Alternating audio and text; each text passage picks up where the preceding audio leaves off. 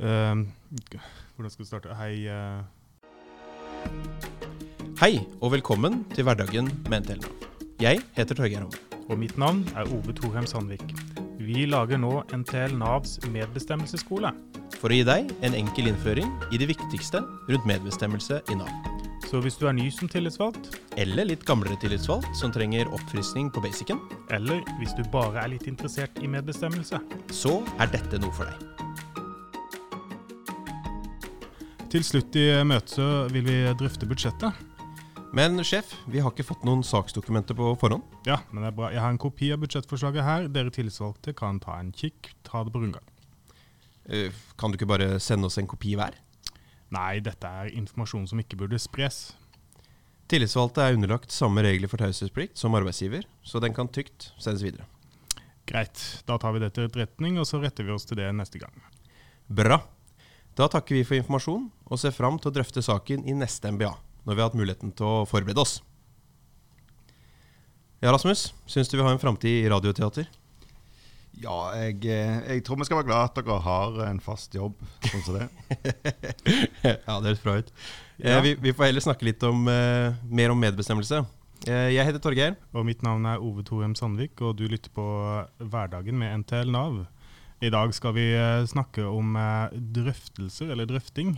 Og vi har fått med oss dyktig og sentralt frikjøpt tillitsvalgt Rasmus Rydland til å Eh, bistå oss i å undersøke nærmere disse, de, de, essensielle sakene ved dette forholdet. Eh, Rasmus, kan du fortelle oss eh, litt om deg selv? Det kan jeg. Rasmus Rydland heter jeg. Jeg har vært frikjøpt eh, tillitsvalgt i NTL Nav siden april i fjor. Eh, før det så hadde jeg lang tid som eh, nestleder og en del fungerende leder i NTL Nav Rogaland. Og har vel egentlig vært frikjøpt eh, mesteparten av tiden min siden 2010. Eh, ellers har jeg jobbet i etaten siden han het eh, Jeg hadde tre måneder i A-etat. Ikke verst. Men, eh, men ellers så, så, har det vært Nav. Eh, og ja, har god, god, god erfaring derfra. Mm. Men du er vel forhåpentligvis ikke tillitsvalgt hele døgnet? Da gjør vi noe gærent og driver litt rovdrift. Hva er du ellers opptatt av? Eh, ja, nei, da kan jeg gjerne Jeg liker meg godt ute, så jeg er gjerne en tur på, på fjellet eller noe sånt, hvis det, anledningen byr seg. Men det ble noen timer med arbeid eh, som tillitsvalgt i tillegg. Ja, det blir fort det. Men dagens eh, tema det er jo drøfting, som sagt. Og eh, Hva legger du i ordet drøfting, Rasmus? Ja, så det, det, er jo på en måte en, det er en paragraf i, i hovedavtalen vår som sådan. Men jeg syns jo på mange måter så er det kanskje den paragrafen som er mest sentral i medbestemmelsesbegrepet. For hvis det gjøres på rett måte, så, så, så, så fungerer dette veldig godt. Jeg tenker eh, Jeg tror vi skal stille litt spørsmål eh, Hvorfor er det egentlig vi drøfter? Eh, og jeg tenker det er egentlig to I stort så er det kanskje to hovedgrunner. Det ene er jo det at en en, eh, en dyktig leder vil få flere blikk på samme sak før en fatter en beslutning. Og en mindre dyktig leder vil kanskje oppleve det som noe disiplinerende å måtte begrunne sin beslutning om å bli tvunget til å stå for den beslutningen etterpå. Det er jo en god refleksjon. Vi kan jo også minne om da, at uh, ifølge hovedavtalen så har vi tre former for medbestemmelse. Informasjon, drøfting og forhandling. Forrige gang snakka vi om eh, informasjon med Elisabeth Steen. Og den neste episoden skal ta for seg forhandlinger. Men eh, du Rasmus, eh, for mange så høres jo drøftinger ut som et, bare et annet ord for diskusjon. Samtidig som eh, man ofte også hører om reelle drøftinger i forhold til drøftinger. Har du noen, har du noen tanker om skillet på, på, det? Hvordan, hvordan, er dette mer enn bare en diskusjon å drøfte? Ja, på mange måter så kan jo en diskusjon være, og ja, det, det, kan jo bare være det, men det, det, jo, det er jo et grunnlag for en beslutning. Det er jo det som er, er forskjellen. Og, og, og, klart, en del situasjoner så vil arbeidsgiver ha et behov for å ha drøfta en sak før de vil ha rett til å fatte en beslutning. Og da er det jo et poeng at den, at den drøftingen har en form. Jeg tenker gode diskusjoner, Du kan ha dårlige gode diskusjoner, og, det samme hva du gjør med en drøfting. Men, men hvis jeg fremmer mitt syn, eh, og min motpart lytter på hva jeg faktisk ønsker å formidle, og at eh, eh, jeg på samme måten har et ønske om å forstå min motpart, Og jeg tenker, da, setter, da, da vil en jo eh, være i eh, En vil risikere å bli overbevist om noe annet enn trodde utgangspunktet. Det er, jo, det er jo det som jeg mener ligger Og det er ikke bare for arbeidsgiver å ha reell drøfting, det er faktisk òg for oss. At eh, hvis de, kommer, de, gode argumentene arbeidsgiver kommer med, de skal vi høre på. Og så kan vi ikke bli avfeid av at våre argumenter er sånn tillitsvalgt snakk ikke sant, på andre sida. Så, så, så, jeg tenker det, det er det det handler om hvis noen av partene går inn i det rommet og skal drøfte og har bestemt seg hva, hva resultatet skal bli i forkant, så er det ikke reelle, eh, drøftinger i det hele tatt. Nei. Men du setter det også litt opp i, eh, i kontrast til eller hvis, hvis, jeg får lov til å sette det på spissen, da, så setter det litt i opposisjon til den politiske debatten, hvor det det handler om å få liksom, vårt syn ut eh, når de politiske partiene står der på scenen. Dette, er, dette, mener Arbeiderpartiet, dette mener Høyre. Mm. Og så kommer de aldri til noen enighet. eller det jo, kommer jo an på hvem som, som, eh, som, spør. da, Noen mener jo at det er bare en lilla blokk. Men, uh, men altså, du, de sitter der, de prøver alltid å fremme sitt eget syn uten egentlig et forsøk med å bli enig. Men du mener at uh, drøftinger i et MBA, et medbestemmelsesapparatet som vi kaller det i Nav, uh, det er Da er drøfting noe mer Da er, må intensjonene fra begge sider være å prøve å forstå den andre sin side for å, for, for å komme fram til et nytt og bedre resultat, da, Eh, formodentligvis etterpå. Ja, eller det beste resultatet.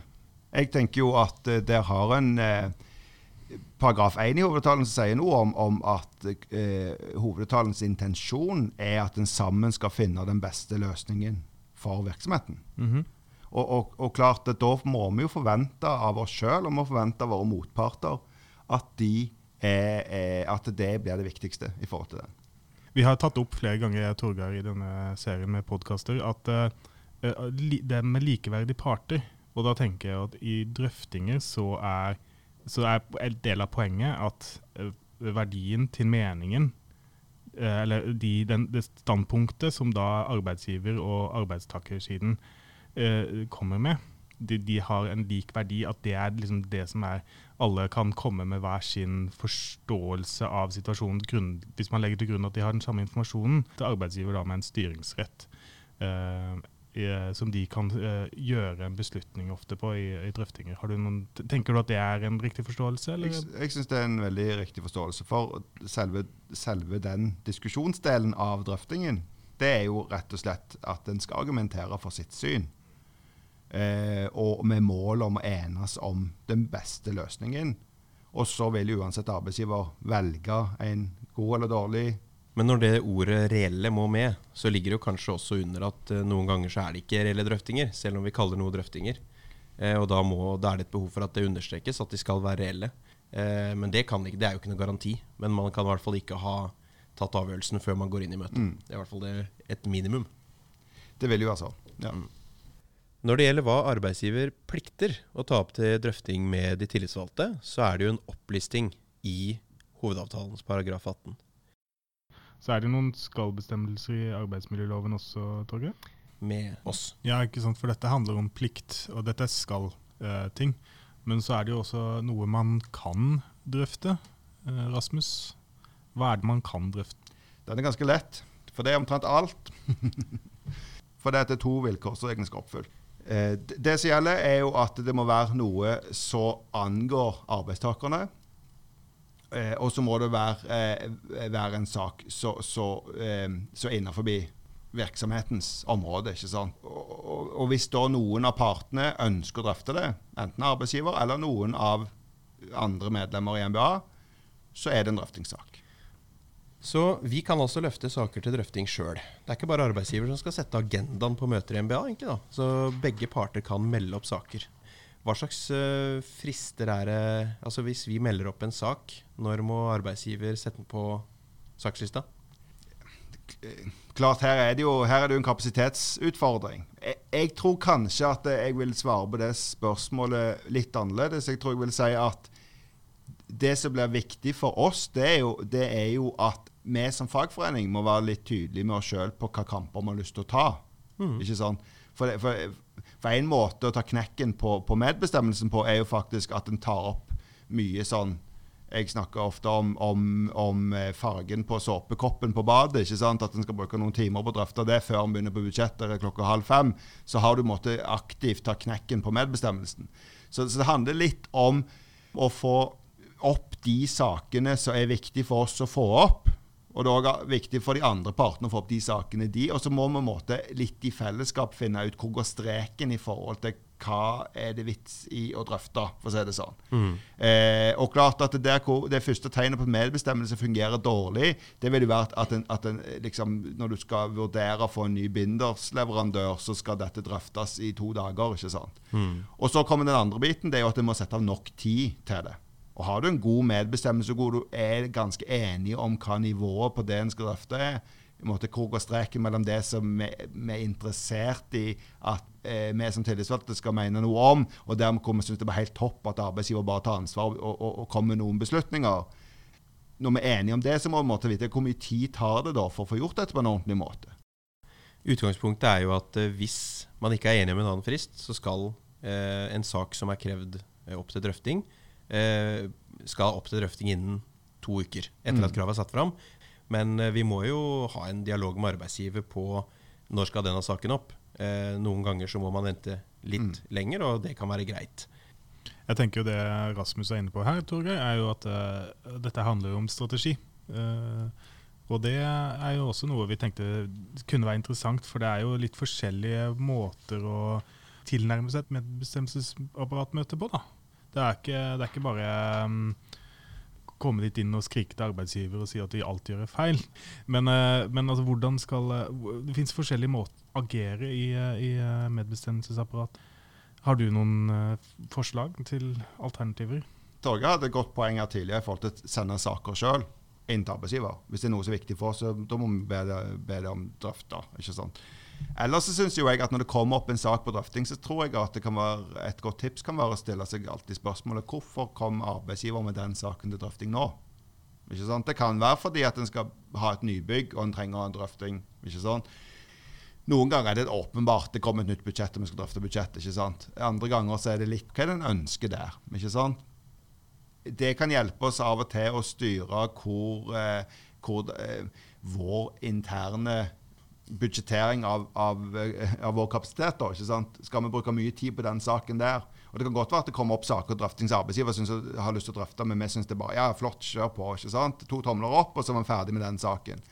Så, så, da, så, jeg tenker det å ta en runde med hvorfor kommer saken opp, det, det, kan, være, det kan, være, litt lurt å gjøre. Eller så har jeg jo sagt tidligere at eh, jeg mener det handler jo litt om at her skal vi bryte argumentasjon. ikke sant? En skal komme opp med sine argumenter, og forventer motparten kommer med sine argumenter.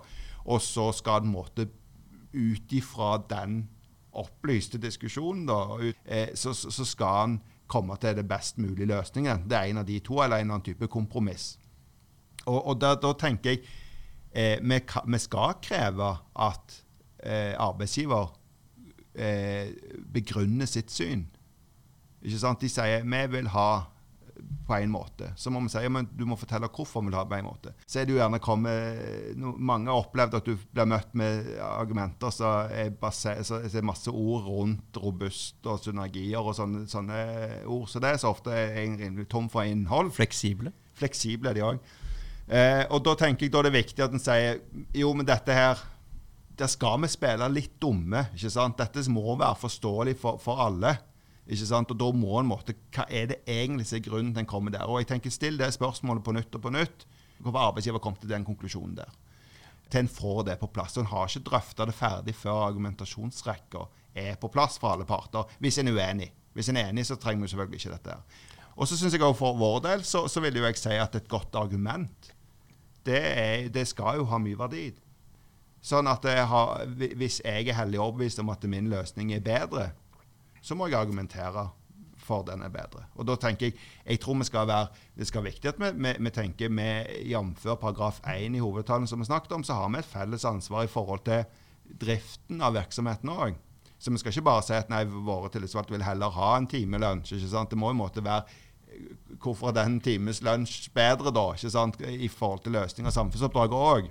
Og så får en gjerne ha litt vanskelig for, for, å argumentere for den. Men, men der må vi måtte eh, tenke vi må være flinke og framføre våre argumenter. Har vi bedre argumenter, og det måte er helt åpenbart i diskusjonen, så tenker jeg da har arbeidsgiver bestemt seg på forhånd. Mm. Og da må vi forplikte dem. Skal vi få dem til å forplikte seg, så må vi få dem til å framsi sitt argument.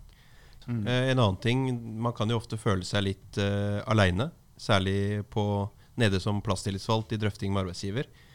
Det kan være krevende å delta i den type drøftinger. Eh, men hvis du har hatt et medlemsmøte i forkant, eller prøvd å få innspill i saken fra medlemmer, sånn at du vet hva medlemmene mener om, om saken, så er det noe som kan gi veldig trygghet. Mm. Da er det kanskje lettere å framføre de argumentene og si at dette er det de ansatte mener. Så slipper du på en måte bare å sitte der og, og gjette, eller bare mm. tenke er det det jeg sier nå egentlig representativt for ansatte? Eh, og da å vite hva de mener, det, det er viktig. Det kan være veldig nyttig.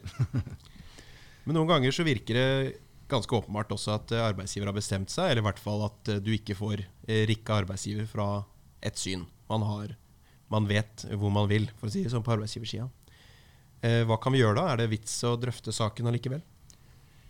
Da blir, det det jo det som står i referatet som blir viktig. ikke sant? I forhold til at en, Hvis vi påpeker at her arbeidsgiver ikke fremført noen fornuftige argumenter for hvorfor dette er et godt syn, og det står i referatet, så vil jo det styrke vår sak.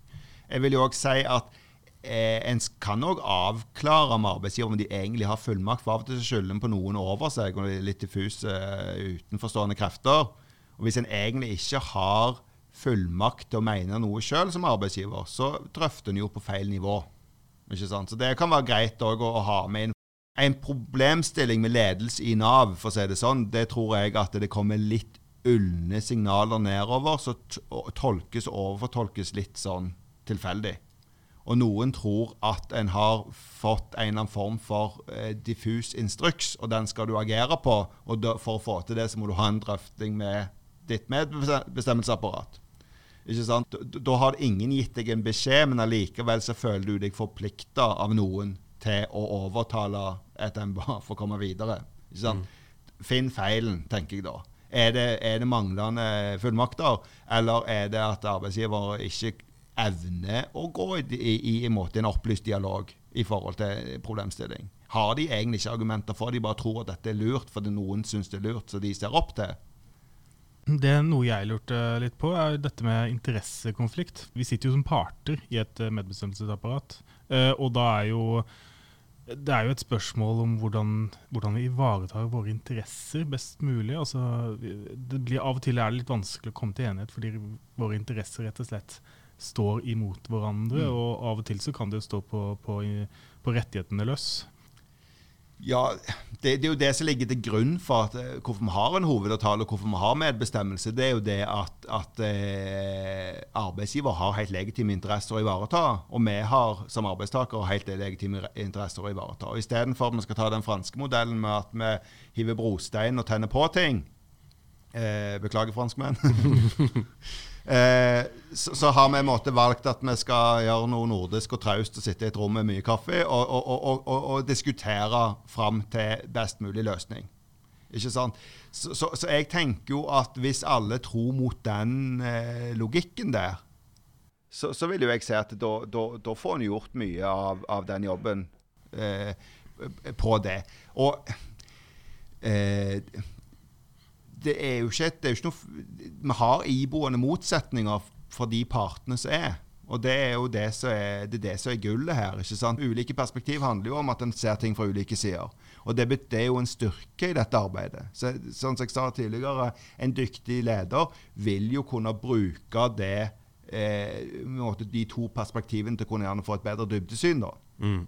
Så det er fint å bli enig, men det er også greit å være uenig. Fordi vi har noen ganger forskjellige interesser. Eh, og jeg tenker at det er viktig å drøfte allikevel, selv om vi ikke blir enige. Eh, for tillitsvalgte ute så er det noen ganger sånn at eh, det du sier i en, et drøftingsmøte, det forplikter eh, de ansatte. Og det er viktig å tenke på. Når vi drøfter omstilling i sentralt eh, medbestemmelsesapparat for tida, så vet vi at vi er ganske uenige med arbeidsgiver.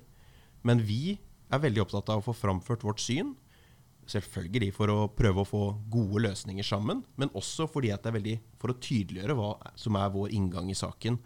Eh, fordi at det kan ha konsekvenser for medlemmene hva vi går med på på vegne av dem. Mm. Og det er også veldig viktig når eh, man diskuterer omstilling på andre nivåer i Nav, i medbestemmelsesapparatet, at eh, vi er konsekvente rundt hva NTL mener. Eller så kan det i verste fall eh, få negative konsekvenser for eh, medlemmene. Hvis vi har gått med på noe som vi ikke, har, ikke burde ha gjort fordi vi tenker det er bare en drøfting. Så hva vi sier er ikke så farlig. Jo, det kan noen ganger være veldig viktig. Mm. Som en, en forbundssekretær sa, det er som en avtale å forstå. Og Mm. da er det jo um, et behov å være tydelig på at man er uenig, for å unngå at, eh, at det forstås som en enighet og som en avtale. Og den som tier, samtykker. Ikke sant. Så det her var litt om drøftingene og hva som kan skje underveis i drøftingene. Men hva med det som skal skje etter drøftingene? Eh, hvis du f.eks. er arbeidsgiver og sier 'jeg har styringsrett', nå er vi ferdig drøfte, den avgjørelsen jeg tar, det er resultatet, den er vi alle enige om. Hva tenker du om det? Ja, vi hvis, vi hvis vi går på den, så har vi gjort en blunder, vil jeg si. For det, det, det er jo referatet her som egentlig, det egentlig som blir det viktige. ikke sant? For det, det er jo det som blir, det, det som blir igjen etter drøftingen, når drøftingen er ferdig. Og da, da tenker jeg Hva sier referatet? Det er jo det som Man kan sitte og være helt uenig i møtet, og så skriver en i referatet at en er enig, så er en jo enig. ikke sant? Og hvis en godtar da det referatet.